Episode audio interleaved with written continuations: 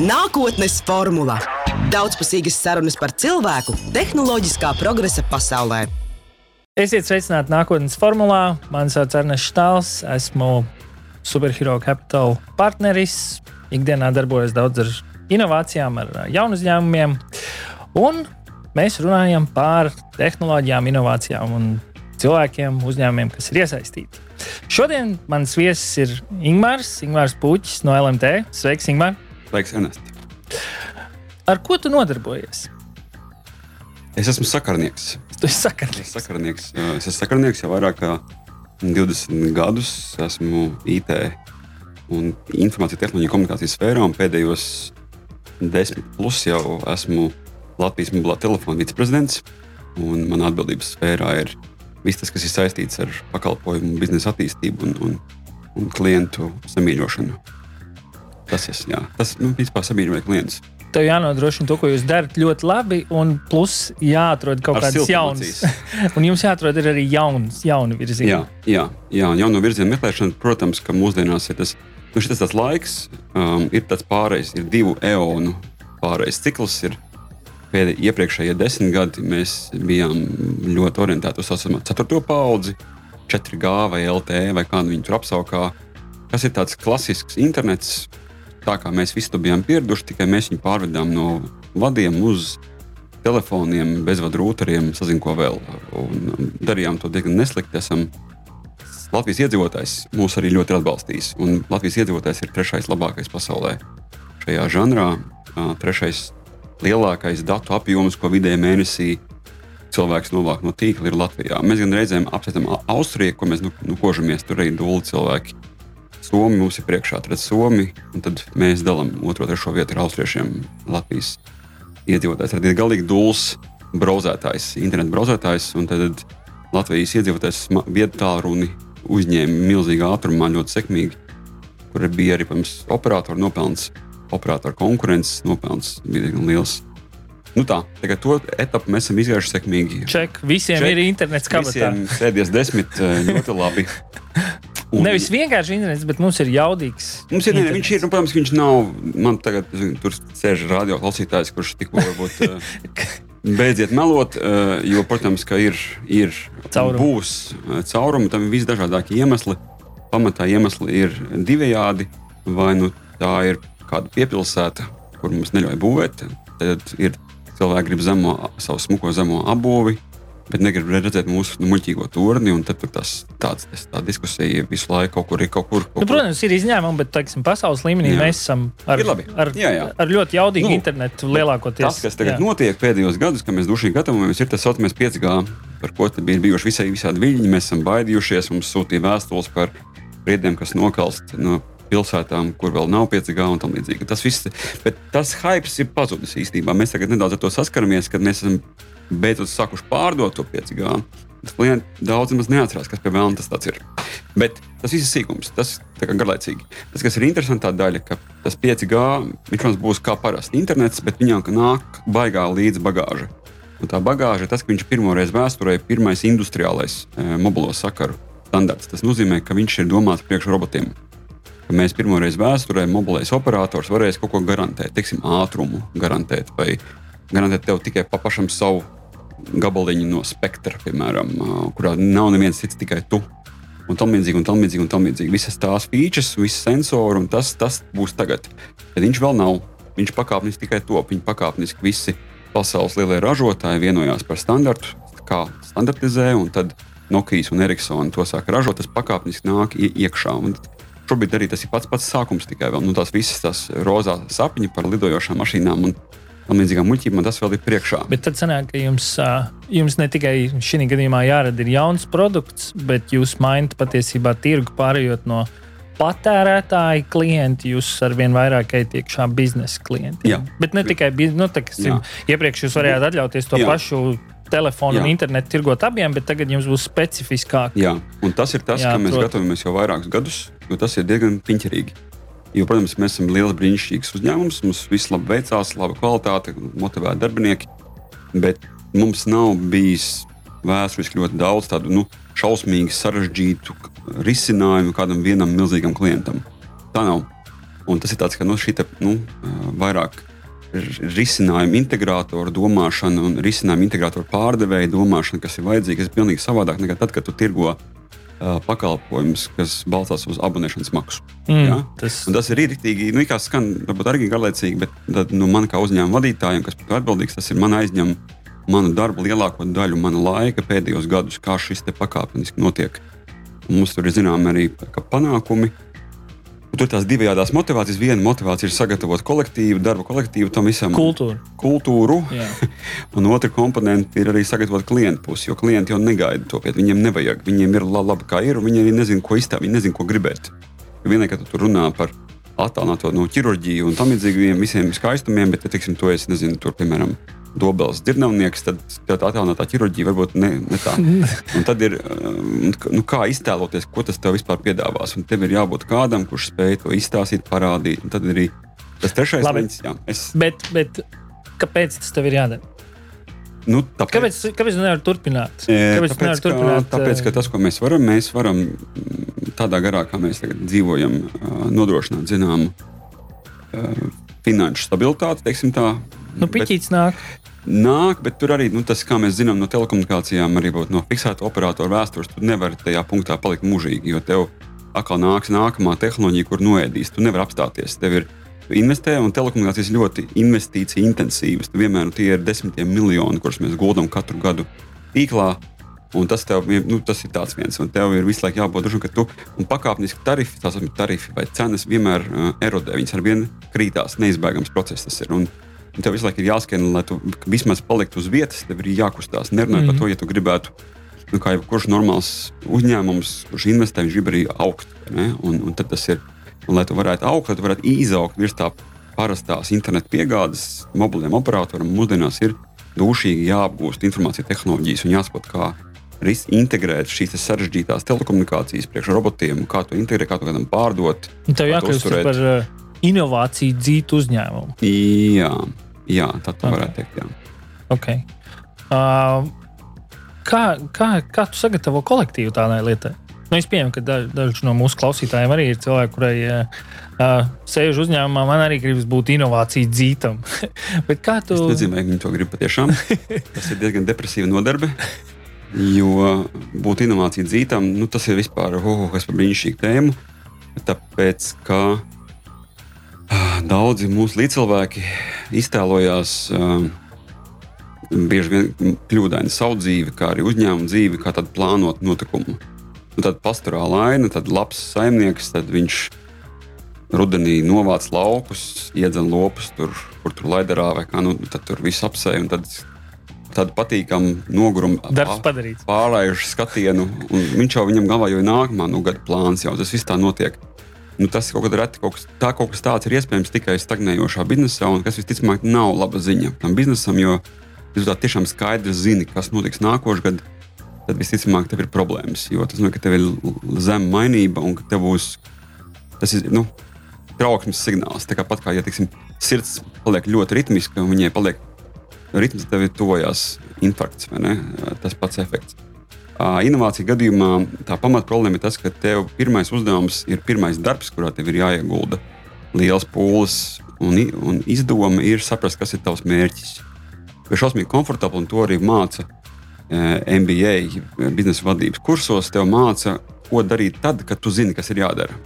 Nu, kā tu plāno biznesa projektus, kā tu tur atskaities, grāmatvedība, iteratīva projektu vadība, pam, pam, pam. Jā, Kā viss. darīt to, tas ir skaidrs, bet ko darīt? Jā, bet, tā, bet neviens nekur MBA kursos vēl līdz pat 15 gadiem atpakaļ neapskatīja. Kā tu nonāci? Kā izvēlēties virzienu? Kas ir tas, ko jā, tu dari? Jā, jā. Un, un tad ir arī bijuši tādi pētnieki pasaulē, kas tajā ir ieguldījušies un ir aprakstījuši. Un es to iemācījos no savas sievas, kas par to tieši raksta arī no disertācijas. Es viņai esmu mūžam pateicīgs. Viņi ir krietni gudrāki par maniem, par laimi. Un to sauc par effectuation, eh, kad ir, ir viņi pētījuši, tad pētnieki analizē, kā strādā jau uzņēmumu īpašnieki, jaunu uzņēmumu dibinātāji, kas ir tie procesi, kā viņi mēra sevi, kā viņi nu, apzināti vai neapzināti, bet kā viņi to dara. Un mēs no tiem, viņiem ir divi resursi. Ir viens ir tavs telefona grāmatiņa, tas ir tavs kontakti. Tīkls. Un, un tas ir tavs networks. Ja? Un jā. otrs ir tavs spējas, ko tu spēj. Pirmkārt mēģini pārkombinēt savas spējas, salikt no tā kaut kas sanāk jauns, un tu mēģini piekombinēt klāt tos, kurus tu pazīsti. Tad no networking un tavas spējas un šo kombinējot, kas nav tāds ļoti determinēts ar skaidru zināmu uzdevumu beigām. Tu reizēm uzduries kaut kam, kas ir tavs nākamais mērķis. Tur rada apstākļus, lai tev paveiktu. Jā, un šis process noslēgums, ka šis process beidzās, viņa, kā saka, angliski, uh, outputs, jeb nu, procesa izvade, ir tas, ka tu vari noformēt, ka es gribu piemēram, nezinu, būvēt mobilo tīklu. Nu, joks, bet nu, tu kaut ko konkrētu spēj pateikt, ka mērķis ir šis, viņš ir jēdzīgs, tev apmēram ir skaidrs no resursu. Tad ir viens cikls, ir beidzies tajā punktā, kur tu vari pateikt, es darīšu šito. Un tad sākās jau krietni. Nu, tāds saprotamāks, nu, tālākais posms, bet tas ir šausmīgi svarīgs. Tas inovāciju process, viņš ir tāds mēdz būt emocionāli ļoti paņemošs. Ja tu nezini, tev nav precīzi definēts iznākums, tu vienkārši ej kaut kādā virzienā ar mērķi, ka jā. kaut kam tur ir jābūt. Šī ir vienkārši challenge vai visu to izteikumu, ka uh, cilvēki grib būt inovācija dzīti, nezumāju viss, tāpēc, ka es esmu tagad, nu, jau pa šiem gadiem novērojis, ka ļoti daudziem kolēģiem izšauja korķus tieši no tā, ka tu atnāc uz darbu, Un tu ļoti tā, ka tu konkrēti zini, tā nenoteiktība šauja korķis. Baigi šauja. Un tur jā. ir tam jā, jāpatīk, un vajag diezgan lielu disciplīnu un gribas spēku. Tas nav tā, tur nav tā džolīga, jo tur uzliek tur to. Zvaigžņu tulka cepuri un, un, un, un spēlēja pingpong un esmu vienkārši radošs. Tas ir vienkārši tāds baigais. Nav taisnība, izsakojot. Tāpēc tas ir tas inovāciju process, ir būtisks, un, un tur ir tās dažādas metodes. Es arī lasīju ļoti jauku tādu Matridlī grāmatiņu, How Innovation Works. Man ļoti zilu. Viņa reizēm ir zelta, nezinu, zila, atkarīgs, ir izdevniecība. Bet tad viņš arī bija plaši apskatījis. Piemēram, viena no, ar, ar ilustrāciju no pretējā. Kāpēc, piemēram, ir problēmas ar atomu enerģētiku? Ilgstošas, viņas ne, ne, ne ļoti attīstās. Nu, viena ir tas tā populistiskā problēma, ka nu, viņi ir padarīti par nu, bubuli. Tā būs viena, tāpēc ir pārregulēta, bet otra problēma ir tas, ka ļoti grūti šī saucamā um, izmēģinājumu, trial un error mēģinājumu un kļūdu metode atomenerģētikai piņķerīga. Ja? Un zinātne un inovācijas visu laiku, cauri gadsimtiem ir attīstījušās. Tu pamēģini, nesanāk, pamēģini, nesanāk, pamēģini, sanāk. Atomenerģētikā problēma. Ja, ja kaut kas nesanāk, tad, jā, tad ir un, un tas, ir, tas ir tas, kāpēc arī tas izmēģinājuma metode, tas nav tas, ka tu esi nu, nejēgu un, un ampelmans, ka tu nezini, ko tu dari bet tu mētiecīgi ej uz to, ka tu mēģini, kamēr sanāk. Labi. Um, nu, viens ir, teiksim, nu, man ikdienā sanāk, protams, satikties, satikt uh, daudzus cilvēkus, kas tur ņemās ar šo tevi. Nu, parasti tad nāk divi, divi, tur, divi cilvēki, kuriem kaut ko ir izdomājuši, kaut ko darīs, varbūt maksimums pieci. Bet tev ir uh, nu, kuģis, tev ir uh, simtiem darbinieku, kuriem ir uh, kuriem darījuši vienā veidā, un tev tagad jāpagriež. Tas ir tā, tā kultūra un cilvēki. Kas ir kaut kādas uh, receptes vai kas ir kaut kādas lietas, ko tu esi sapratis, kā organizēt šo? Nu, tur man liekas, ir. Nu, mums arī ir ilgstoši sekmējies ar personāla atlasi.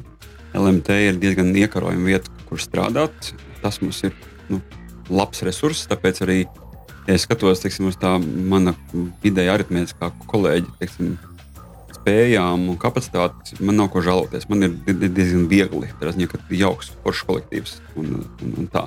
Tas numur viens.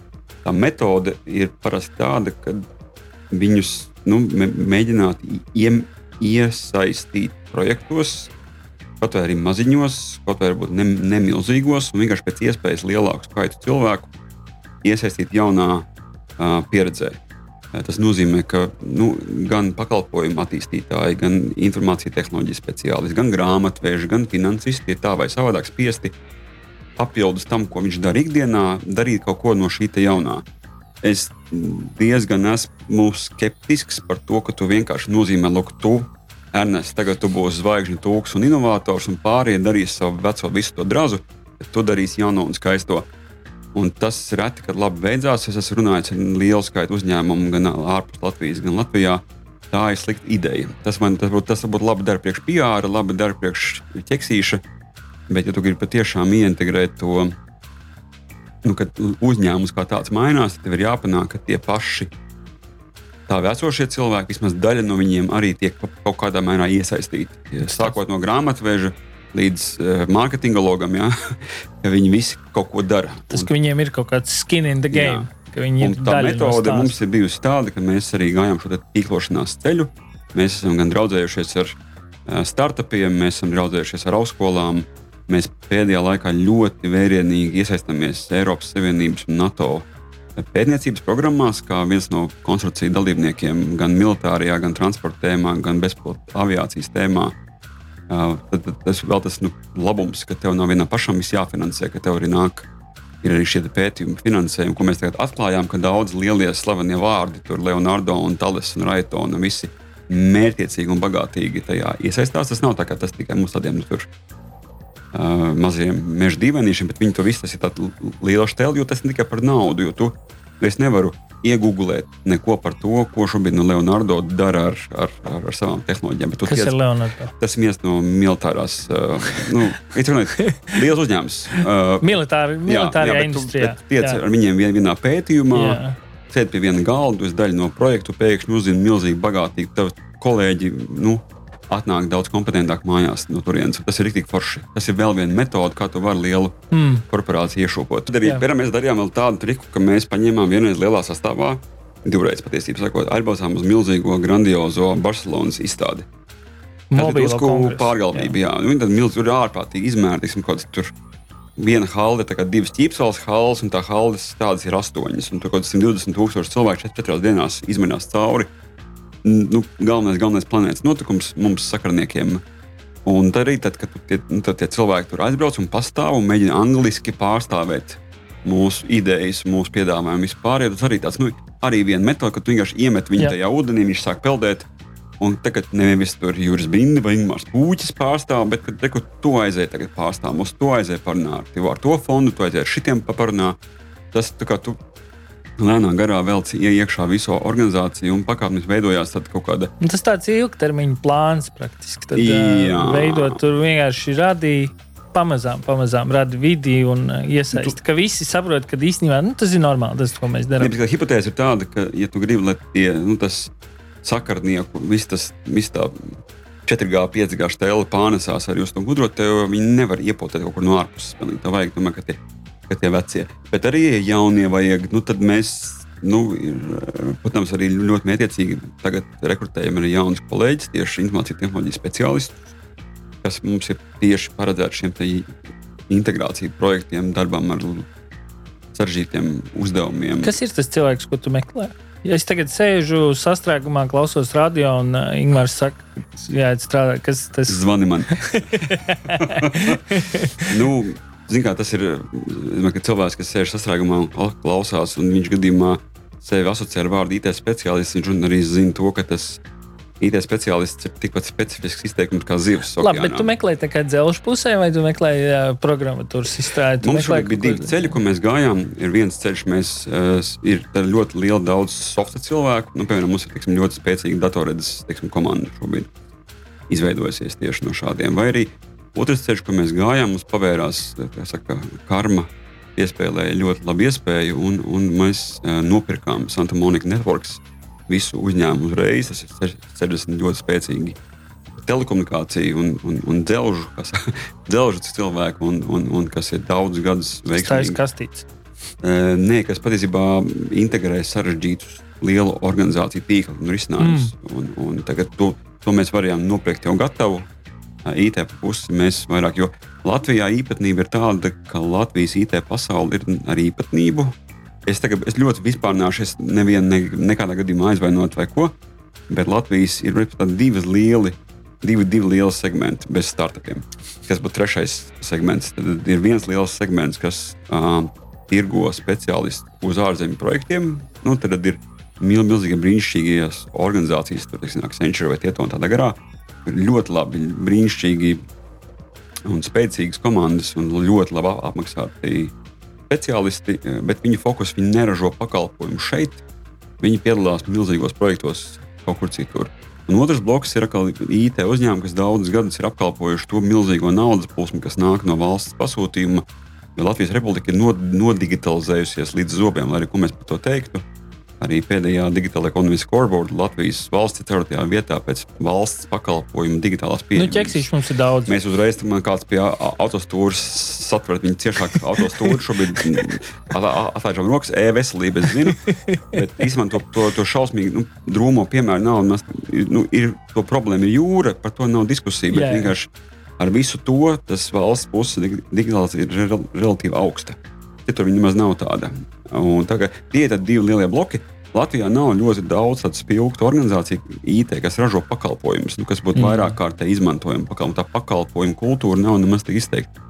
Tam kaut kādā brīdī būtu jāparādās, jo arī ekonomikas ministrijas kolēģi bieži vien apceļ Latvijas IT nozari, apceļ viņu par to, ka Latvijas IT nozarei pievienotā vērtība, jeb šis te efektivitātes koeficients ir zemāks nekā kokapstrādēji. Ja? Tādā ziņā, ka mums viņš, viņš pie, ja mēs saliekam reitingu starp peļņu un algām, tad principā visu, ko IT uzņēmums saražo, visu samaksā no algās. Tur nepaliek pāri nekas. Mm, mēs praktiski nu, programmēšana tāda baļķu biznesa beigās sanāk, Pat kur mēs netaisām tas ir mēbeles. Šausmīgi, es domāju, ka man kaut kur būtu pie, tagad izējas, vai kāds sagaidīs, bet, bet vispār kaut kādā mērā vēsturiski tā ir izveidojies, un tur nav ļaunuma bez labuma.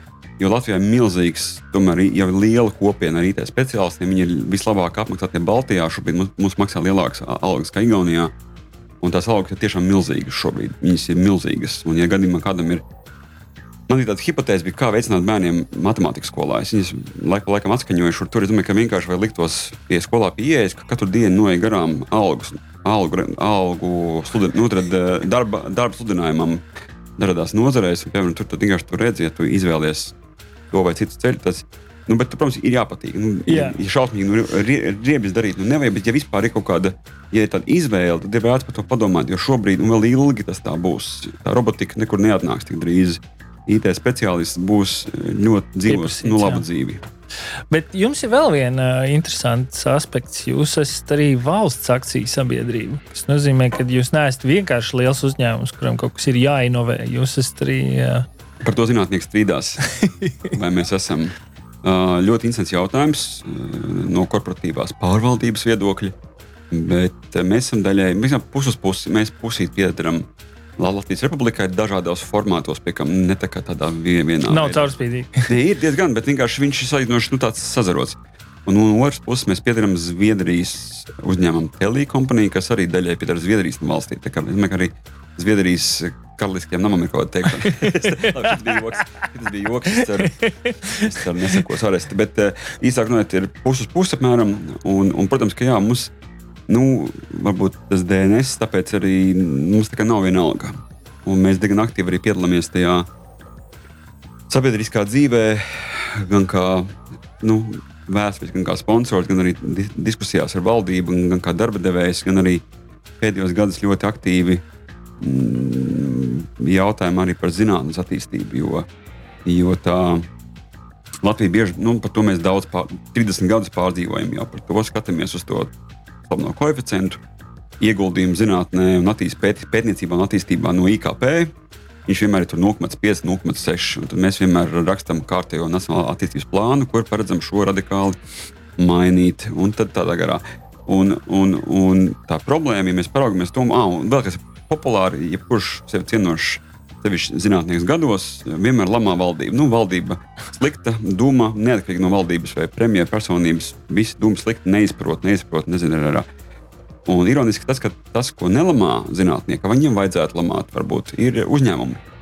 Ja mēs paskatāmies pret Eiropu un to proporciju kopējā katlā, kur liek zinātnē uzņēmumi, ko liek zinātnē valsts un, un tādā garā, tad Latvija pēc šī reitinga, tas summas nav liels, tas ticīgi jau jautājums. Valsts varētu likt vairāk, tam es arī piekrītu. Bet tik un tā valsts ir būtiski aktīvāka kā uzņēmuma valsts, kā tāds players ir trešajā vietā. Bet uzņēmumi ir stabili pēdējā. Tad Eiropā ļoti daudz ir tieši arī uzņēmumi, ir tie, kas uzņēmumi. iepērk inovācijas. vai- valsts ir sekot. Jo mēs dzīvojam tajā, nu, diemžēl, zinātnieku daļai arī varbūt uztur. Valsts Pēc padomju sabrukuma viņi joprojām viņi jā. reizēm meklē to naudu Briselē, reizēm viņi meklē no Redmontā, jo bija mūžīgās fantāzijas, ka tur atbrauks no Redmontas viens uzņēmums un visu samaksās. Un, un varbūt arī atbraukt kādu dienu, bet tad, kad tu būsi iz, izdarījis savus mājas darbus, bet ja mājas darbi ir tādi, kad ir jāatjauno saistības starp e- institūtiem, un uzņēmumiem. Un šī saistība daudz kur, vai lielākoties, bet ne visur, bet lielākoties ir nojaukta. Un man kā uzņēmumam ļoti grūti ieguldīt zinātnē, jo man tiem zinātniekiem ir ļoti grūti ar mani vienkārši nav to kontaktu. Mēs, mēs, tas, tas, ka es jā. labi pazīstu visas augstskolas, tad to vēl nav pietiekami. Ir, nu, tā ir tā atšķirība starp pētniecību un inovāciju. Inovācija tā kā gala punkts, ka tas ir kaut kas, kas nonāk jauns pakalpojums, kas ir nonācis līdz gala patērētājiem. Pētniecība savukārt ir censties saprast, bet ne obligāti tas ir realizēt. Jā, nu, Tad Eiropā, piemēram, tas svārstās no divām trešdaļām līdz trim ceturdaļām visas pētniecības un attīstības finansējuma nāk no korporācijām. Trīs ceturdaļas. Mm. Mums ir, Mums ir 27% ir kā, uzņēmuma loma. Mēs esam tālu. Tad, cits jautājums, ka uzņēmumi bieži vien to neuzskaita. Tā arī ir taisnība. Ja mēs korekti uzskaitītu, mēs ātri tiktu līdz vismaz nu, 1% no IKP. No tiem 0,5, 0,7. Tas, ka uzņēmumiem nav motivācijas, mēs visi zinām par viņu mūsu slieksni uz nu, birokrātiju. Un, protams, ka nu, sevi pie pilna prāta esošs uzņēmums darīs visu iespējamo, lai nedarītu lieku darbu. Kā nu, mainīt, kā mainīt šo vidi, kad, nu, tiksim, kā mainīt to pieejamību, ka mēs vairāk esam vērsti uz inovācijām vai uz uh, jaunu pakalpojumu radīšanu? Es, Vai kas ir galvenie šķēršļi, kurus mēs ticam tam? Mēs ticam, nu, es pabeigšu to vienu domu. Un, teiksim, Zviedrijā 60% finansējumu nāk no 20, 22 nulle uzņēmumiem. Tad tie nav tur milzīgi skaitļi, ļoti, ļoti, ļoti, ļoti maziņu, kur arī mums pielāgo. Bet lielā, liel, lielo nu, nesošo bāzes masu taisa milzīgie uzņēmumi. Un Latvijā tādi arī ir. Un, un tāpēc tā viena tā cīņa, kas šobrīd vienkārši pieminē valsts akciju sabiedrības un kapitāla sabiedrības, tad viena tā cīņa, kas šobrīd ir, jo šobrīd um, likums un konkurences padome viss ir vērsts uz to, lai maksimāli aizliegtu, maksimāli kontrolētu tādas uh, organizācijas kā nezinu, Latvijas valsts meža, Latvijas energo uh, un tādā garā tā joprojām, lai viņiem šobrīd, nu, lai viņi pēc iespējas darītu tikai to, ko vecos laikos nolēma PSRS valsts plānu komiteja. Tad ne soli neatkāptos. Teiksim, ja, ja valsts, valsts meža cērt mežus, tad, teiksim, ja viņi vēlni tādi ir uz, uztaisījuši Baltijas reģionu labāko ģeotelpiskās informācijas. Nu, Saka, tur ar droniem spēlēties, jā, tas vairs nav droši. Tas ir ļoti aizdomīgi. Viņi iespējams deformē konkurenci, un tur ir tas pārprasts, ka konkurences padomēji nav jāsargā konkurenti, bet gan konkurence. Un, ja kāds ir maziņš un neefektīvs, tā ir viņa problēma. Tev nav jāsod lielais, tāpēc, ka viņš ir liels, ja viņš ir efektīvs. Nu, tas garš, šis laikam nu pat bija garlaicīgi, bet es gribēju teikt to, ka tas viens no tiem ceļiem ir, ir par to, ka šobrīd mēs nu, noteikti tādi tuvināšanās jau daudzus gadus, notiek tuvināšanās mēģinājumi starp zinātnē un uzņēmumiem. Viņi notiek diezgan labi un mētiecīgi. Gaisotne ir laba, tas notiks un viss būs kārtībā, bet tas prasa laiku. Nu, kā, jo, jo, jo nu, tas nav bijis vienkārši. Mēs to būvējam daudz kur, ne visur, bet daudz kur būvējam faktiski no nulles. Mm, labi. Kas ir galvenais šķēršļi tam nu, bez? Nu, um, kas ir vēl, ko tu saskati bez tādas, uh, le, kas būtu tāda? Nu, tradīcija. tradīcija. Tas, kas trūkst, ir tradīcija. Īstenībā tradīcija trūkst rīktīgi. Tradīcija trūkst numur viens. Mm. Uh, numur divi, man liekas, uh, nu, tradīcija. Jā. Vēl tas mūžīgais jautājums arī par to, nu, cik mums ir to cilvēku kādas viņa kompetences. Mums ir drusku drus, kā radīt šīs kompetences vairāk. Nu, viena metode mums varētu nekautrēties un tomēr beigti būt provinciāli un mētiecīgi mēģināt nopirkt labākos, dārgākos, smukākos un gudrākos un vest viņus šeit. Piemēram, mēs pirms sarunas runājām par šiem pašiem kvantu pētniekiem, kur Latvijā ir atsevišķās kvantu, kvantu pētniecības jomās, ir pasaulē respektēti kompetenci centri. Un ka, ko šo kolēģu nu, ideja, un pat ļoti atbalstāmā ideja bija tas, ka sameklēt finansējumu, atrast finansējumu un vest vēl tādu šurp. Tad, lai teiksim, piemēram, teiksim, par kvantu datoriem un, un, un, un, un kvantu komunikācijām, Rīgā, Latvijā ir viens liels starptautisks centrs, globāls, kur ir daudz autoritātes, kur mācās studenti, kuriem brauc studenti, kad ir tā nu, kad ir tas tīklošanās ne, ne tikai savā starpā, mēs toreiz vecos laikos, nevis tikai tas, bet tu vēlc klāt. Un tas arī nu, palīdzētu iedot to vilkmu sistēmā, jo tev tomēr ir tā konkurence tur ārā diezgan nežēlīga. Tas ir, ritms ir milzīgs. Un, ja mēs nepērkam, tad kāds cits pērk. Tad mēs arī redzam to pašu zīmējumu, ko mēs tagad redzam IT sfērā. mēs dzīvojam labi, mēs esam ļoti, ļoti, ļoti pēduši, bet mēs neražojam neko. Mēs ražojam priekš kādu citu visu laiku. Tad mūsu cilvēki ir, ir atalgoti ļoti labi, bet nerodās teiksim, tā ilgstoša pievienotā vērtība. Tas pats būtu, ja mēs būtu motivēti vilktos zinātniekus, pasniedzējus uz šejienes no visas pasaules pēc iespējas vairāk. Mm. Un trešā lieta, ko mēs arī daļai visas Eiropas problēmu, ko Eiropa varētu arī no Amerikas mācīties, ir ne tikai uzņēmumu pusē, bet arī augstskolu pusē šis inovācijas gēns. Nu, tomēr ir tie slavenie Amerikas piemēri, tāpat Stanfordas Universitāte, kas dara visu iespējamo, lai dabūtu to profesoru laukā kopā ar startup iet un kaut ko darīt. Un viņi saglabā viņam vietu, ja tam profesoram neiznāk, un tad uz bankrotē viņš tiek atpakaļ. Viņi tur neliek virsū nekādas ierobežojumas intelektuālajām tiesībām. Tādā grāmatā joprojām viņas veicina un liek tos studentus un spiež viņus kopā ar tiem. Maksimāli, ma maksimāli dara to virzību, lai kaut, nu, kaut kas no tās universitātes potenciāli nu, nonāktu un paliktu komerciāls. Šādas tradīcijas Eiropā ir diezgan vājas. Kas nozīmē, ka ir liels potenciāls? Hei, Nē, ir, bet arī ir. Un arī tagad, jau es domāju, ka tu pats varbūt varētu vēl labāk izstāstīt. Man liekas, tagad tomēr ir tas, ka tomēr tas, tas jaunu uzņēmumu, jaunu uzņēmumu, tas vīrus ir aizgājis. Visu pasauli nav tā, ka jaunas vai vispār kaut kas vēl notiek eh, saucamajā Silīcija ielā. Kā, nu, tur tas, nu, tas ir iz, iz, izplatījies. Viņi jau nav galīgi vienīgie, kas to māca. Eiropa izstāsta man, liekas, labāk nu, jau nekā tas bija teiksim, pirms pieciem gadiem.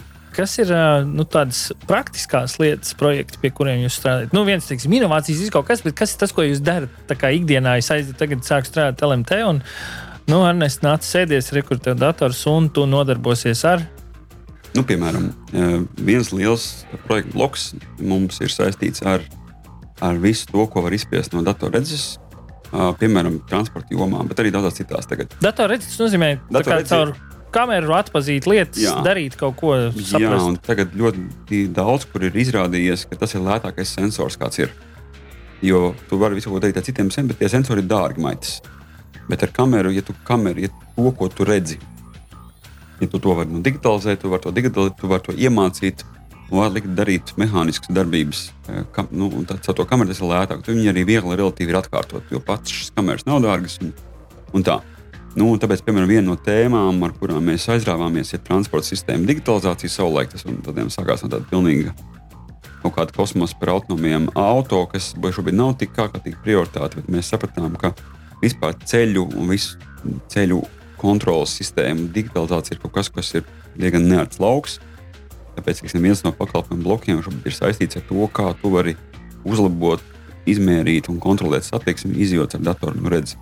Turklāt, nu, piemēram, mums šobrīd ir gatavs risinājums, gatavs produkts, kas ir sarkanās gaismas uh, radars, uh, kurš ir ļoti viegli uzstādāms. Un, teiksim, tas tev nav vajadzīgs, teiksim, tu esi teiksim, nu, pilsēta, piemēram, Rīga gribu tajā un tajā krustojumā uzlikt sarkanās gaismas uh, sensoru vai radaru, tad mūsu gadījumā tas ir no 2-3 stundu jautājums. Viņš jau strādā. Tas, tas nav... jūs noķersiet cilvēks, kas pārbrauc pie sarkanās gaismas. Jā, tādus aktīvistus. Un, un, nu, Tas tikai viens no pielietojumiem, pielietojumiem ir sarkanās gaismas, bet nu, kā piemērs. Nu, tas tāds vienkāršs pielietojums. Nu, bet, nu, vienkārši nu, tur arī bija jāiesvīst, lai, viņu, lai viņus nu, saražotu, protams, bet, bet, bet jā, viņš ir elastīgs, vienkārši slīdinoši lēts, neatkarīgs no ražotājiem, viegli uzstādāms bez tur.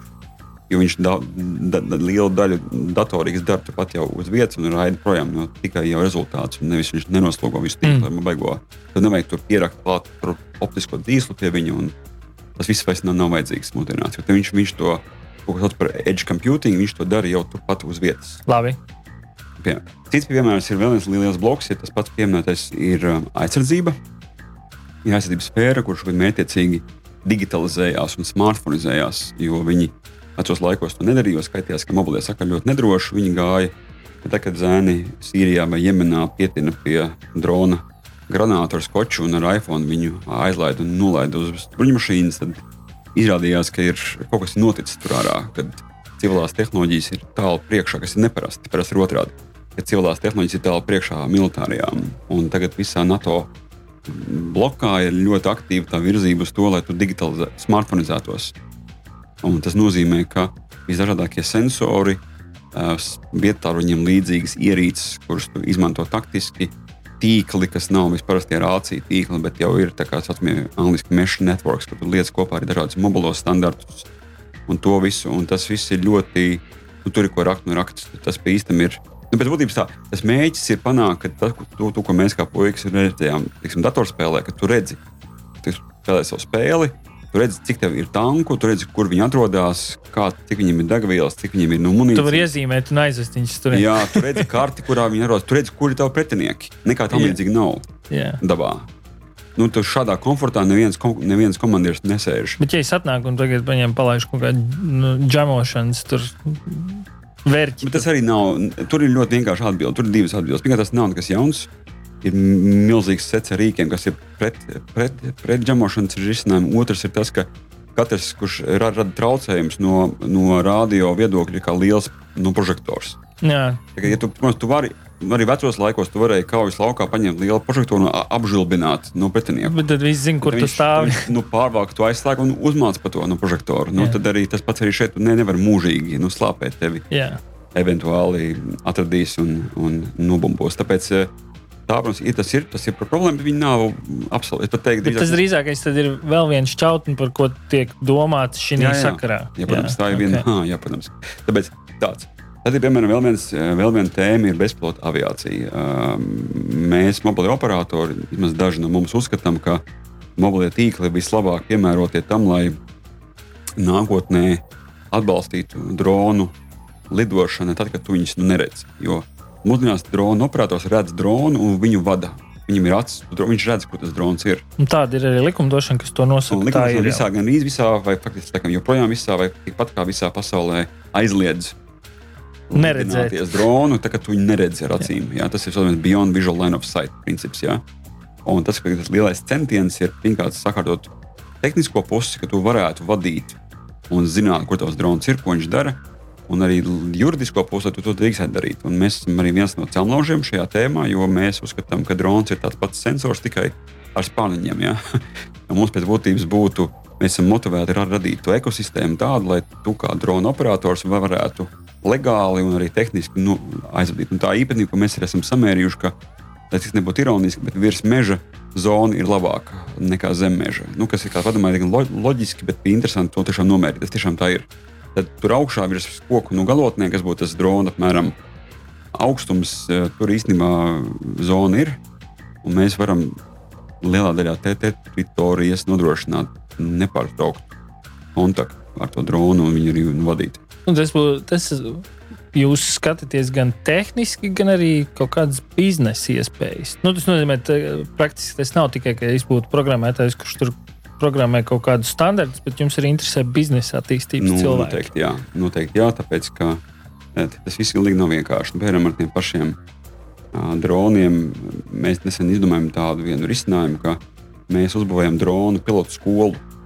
Un kā izglītības mēs pat dabūjām kaut kādu certifikātu, ja nemaldos. Sakarā, ka mēs esam pieaugušo izglītības, kas tur kas tur. Uh, jo ir izrādīts, ka daudz ir uzņēmumu, kas lēnām garā taustās, te, nu, ir arī privātpersonas. Bet viņiem nav īsti tādas vietas, kur tu tā kā no A līdz Z dabūji to bāzīti. Un dabūji ir kaut kāda papīra, ka tu to bāzīti Tas tā kā vispār- iemācīties braukt ar mocu, bet tagad var iemācīties braukt ar dronu. Jā, nu, tā kā skoliņi. Iziet skoliņi tagad. Jā, uh, un tas plus tas veido zinām kopumu cilvēku. Tagad tādi jau ir kaut vairāk simti Latvijā, kas to jau ir izgājuši, kad ir kāda, nu, zinām, subkultūra, kas ir, nu, kas ir nu, zolīdi, zina to tēmu, zina struktūru, viņiem ir piemēram, kopīga vārnīca. Tas veido kaut kādu arī to ne, ne- nevis vienkārši drona entuziasmu, nu, jau drona profesionāļu kaut kādu mm, kopienu. tie ir maksas kurs. Jā, Cik maksā kurs? Nu, tur daži simtiņi būs, bet uh, nekas tāds pārdabisks. Nekas tāds pārdabisks. Var iet mūsu mājaslapā, viņš ir visur. Bet, bet uh, un, tā mūsu cerība ir par to biznesa attīstību, ka, tā, ka tur arī ir šie cilvēki, ir tajos uzņēmumos, viņi jau rada jau tālāku pārliecību, ka arī tie, ka tas pieprasījums būs arī no tās. Tā tāda ilgtermiņa stratēģija radīt. Tas tad izpratni. ķīnieši rīktīgi, visi ilgtermiņā. Jā, zen. Pēc uh, konfūcijas viss ir par ilgtermiņu. Jā. Uh, labi. Uh, Tātad šie ir tie lauciņi, kuriem tagad es nu, tagad gribētu kaut ko interesantu darīt. LMT, tad šito es varētu darīt. Nu, jā, ne, tur jau ir vēl vedeniņās. Mēs arī tagad arī ar medzi. Mums bija tāds senāts, nu, Covid mūs saveda. Paldies Covidam. Covid ir, ja kas. Bet Covid mums saveda pagājušajā gadā, pagājušajā gadā mēs metāmies palīgā mm, ar viņu cīnīties un e, sasaistījāmies ar veselības nozari, ar daudziem citiem IT uzņēmumiem. Mēs kopā brīvprātīgi un bez maksas izveidojām to lietotni aptver Covid. Bijām pirmie pasaulē kopā ar Google un Apple, kas tā bija dažādi rezultāti. 300 tūkstoši cilvēku lejuplādēja, daudz tūkstošu kontaktu tika atrasti. Mm, viņš neaizgāja tik, nu, tagad tam jau nu, tā vēsture gāja vēl uz, uz priekšu, tā vairs nav varbūt tik liela. Un fonā viņš joprojām ir. Mums tagad tas skaits aug, jo, jo, joprojām viņi laikam lejuplādē, joprojām ir, ir kontakti. Vienkārši tas komunikācijas troksnis ir tik milzīgs, ka tur vairs tam īsti nepievērš uzmanību. Jā, bet kāpēc to stāstu? Tas, ka tas mūs saveda nu, šī situācija, tā pielāgošanās situācijai. Mums liela daļa manu kolēģu iesaistījās, kad 30 cilvēku īņķa brīdī ar to projektu strādāja. Un, un ļoti strauji pieaug mūsu izpratne par to, ko veselības nozara mēram, kā viņam tur iet. Nu, okay. Ne jau tā, ka mēs kaut ko baigi zinām, bet nu, vismaz tu sāki kaut ko ko, es kaut ko vismaz dzirdēju, kaut ko es vismaz vienā projektā bijis un ar tiem, ar tiem ticies. Un tas mums tagad arī ir, nu, tā ir izaugusi no šī insight, kas mums parādījās darbā ar apturu Covid um, izauga arī tālāk. Tagad sadarbība mm. arī ar jau nu, komerciāliem pamatiem ar citiem. citiem Noslēgumā man ir jautājums par, ja nesanāk. Nu, jums, teiksim, viens ir inovācija, kas būtu tāda ambīcija, iespēja, bet jo tāds jaunāks, ambiciozāks, ar lielāku potenciālu ceļš, jo lielāka iespēja, ka kaut kas nesanāks. Kā ir ar tādu nu, tā kļūdīšanās nu, kultūru vai toleranci? Būt banāls, bet eh, nu, tur jau tā, tā, tā klasiskā schēma ir tāda, ka tev nu, lielākā daļa nesanāks. Tev nevar sanākt viss pēc kārtas, un tā arī nav. Uh, bet tā ir teorija. Teorijā viss māja ir galva. Jā, jā, ja neriskēsi šampanieti nedzers, bet praksē tad. Praksē kad... ir tā, ka mēs, mums gandrīz vai tā arī sanāk, nevienmēr, bet gandrīz vai tā sanāk, ka mēs cenšamies, nu, uh, pirmkārt ir tas sākumā es pieminēju šo effectuation principu, un tur viens no tiem mērījumiem, ir tas, ko angļuiski sauc par affordable losses, kas būtu pieļaujamie zaudējumi. Ja? Un tu, teiksim, mums arī ir zināmi veidi, kā mēs organizējam savu budžetu. Mēs zinām naudu, paredzam, ka šo mēs zaudēsim. Tas ir ok, tā nauda nav liela. Bet bieži vien, lai kaut kādā izmēģinātu kaut kādu lietu, konceptualizētu viņu, lai viņā viņa padarbotos, tad nevajag nu, to naudu milzīgu tev vajag vismaz panākt to, ka pirmais solis, ja gadījumā panākt to, ka kaut, viens tavs kolēģis kaut ko nebūtu par to saprot. Un tas ir numurs viens, tas nemaksā nu, daudz. Lai rastos viedoklis, kaut kāda eh, putas sāls jāizēd. Ne, nu, tā jau būtu te pieredze, laikam. Es nu, jau vairs neviedoklis, bet, bet vienkārši tev, tad, ja mēs no militārās alegorijas, tas būtu, ka tu vismaz iesūti vismaz vienu nu, izlūku, vismaz apiet nu, perimetru. Nu, tā, tā teritorija tik liela, tur dzīvo tādi nu, nezvēri, un zāle ir zilā krāsā. Ja, nu, vismaz kaut ko zini par to tagad. Ja, nu, tu vari tālāk domāt, vai tu gribi iet uz tādu vietu, tad ir nu, vēl divus nu, cilvēkus. Tad varbūt tu ja iegūti mazu naudu, tu saskrūvē kaut kādu mazu. Mazu kaut ko līdzīgu pakalpojumam. Tas viss nemaksā daudz, bet tev vienmēr ar katru šo nākamo praktiskā mēģinājuma soli ļoti būtiski pieaug tavas zināšanas par to. Tu, vai, tu kaut kādu naudu tajā ieguldi, Bet tu vari salīdzināt, nu, tu neej reizē miljonu tajā tēmā, tu par to neko nesaproti. Tas gan ne, nevienmēr ir tik vienkārši, kā es to stāstu. Dabā tas, protams, tik gluži neiet viss, bet, bet uz to vismaz var, var tiekties, ka tu vari maksimāli sākotnēji iet pēc iespējas ātrāk uz priekšu, pēc iespējas praktiskāk uz priekšu, pēc iespējas praktiskāk, pēc iespējas mazāk no filozofēt, pēc iespējas ārāk kaut ko pa īstam pamēģināt, iebāzt to kāju ūdenī, ūdens augstu, piemēram, nevis vienkārši kaut kas tāds spīdīgs. Ja? Kaut kas bija jāuzzina. Tas ir tas, tā metode, tad var pakāpēt viņa kāpini. Un ar to, ka tu esi visu laiku audzējis kompetenci, vienkārši tu, nu, tu mazini to risku, ka tev, ka tu nu, būsi nonācis pie nu, miljona. Tu man jau būsi diezgan zinošs par to, ko tu mm. miljonu dari. Tāpat tu varbūt zaudēsi. Bet, nu. Jā, nu, tad, tad jūs gaidu vadībā jums ir skaidrs, ka uh, būs lietas, ko mēs pazaudēsim. Jā, protams, bet nu, nu, kā klasiski tas, kas ir jebkuras korporācijas izaicinājums, galvenā problēma ir tas, ka mēs neesam uzņēmēji. Mēs esam, bet neesam tādā izpratnē, ka kolēģis, kurš to nodarbojas, viņš neriskē ar savu personīgo naudu. Tā ir klasiska problēma visā pasaulē, viņa tāda ir. Un tev ir tā izvēle, ka tu vari iet to ceļu, ka tu esi dzīvē. Ja tu esi uzņēmējs un tu riskē ar savu naudu, laiku un vispār, es esmu to arī gadus piecus savas dzīves darījis. Ļoti interesanti pieredze, ko lepojos.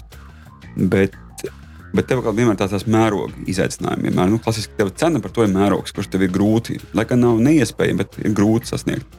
Un ir korporācijas stēle, kur tev ir baigais mērogs, bet tad atkal tev tas, nu, um, nu visas tie tās priekšrocības un tā agresija un atbildība, ko tev dod, ka tu ar savu naudu riskē, tas tev viss nav. Nu, tas tāds kā līdzsvars, nu, kā viņš ir. Jā, risks, risks un atdeva. Risks Jā. un atdeva. Jā. Labi. Labi. Paldies, Igmār. Paldies, uh, prieks, prieks uh, aprunāties. Paldies, skatītāji, klausītāji. Daži droši vien arī skatītāji. Un uz tikšanos nākošo reizi. Projektu finansē Nacionālo elektronisko plašsaziņas līdzekļu padome no sabiedriskā pasūtījuma līdzekļiem.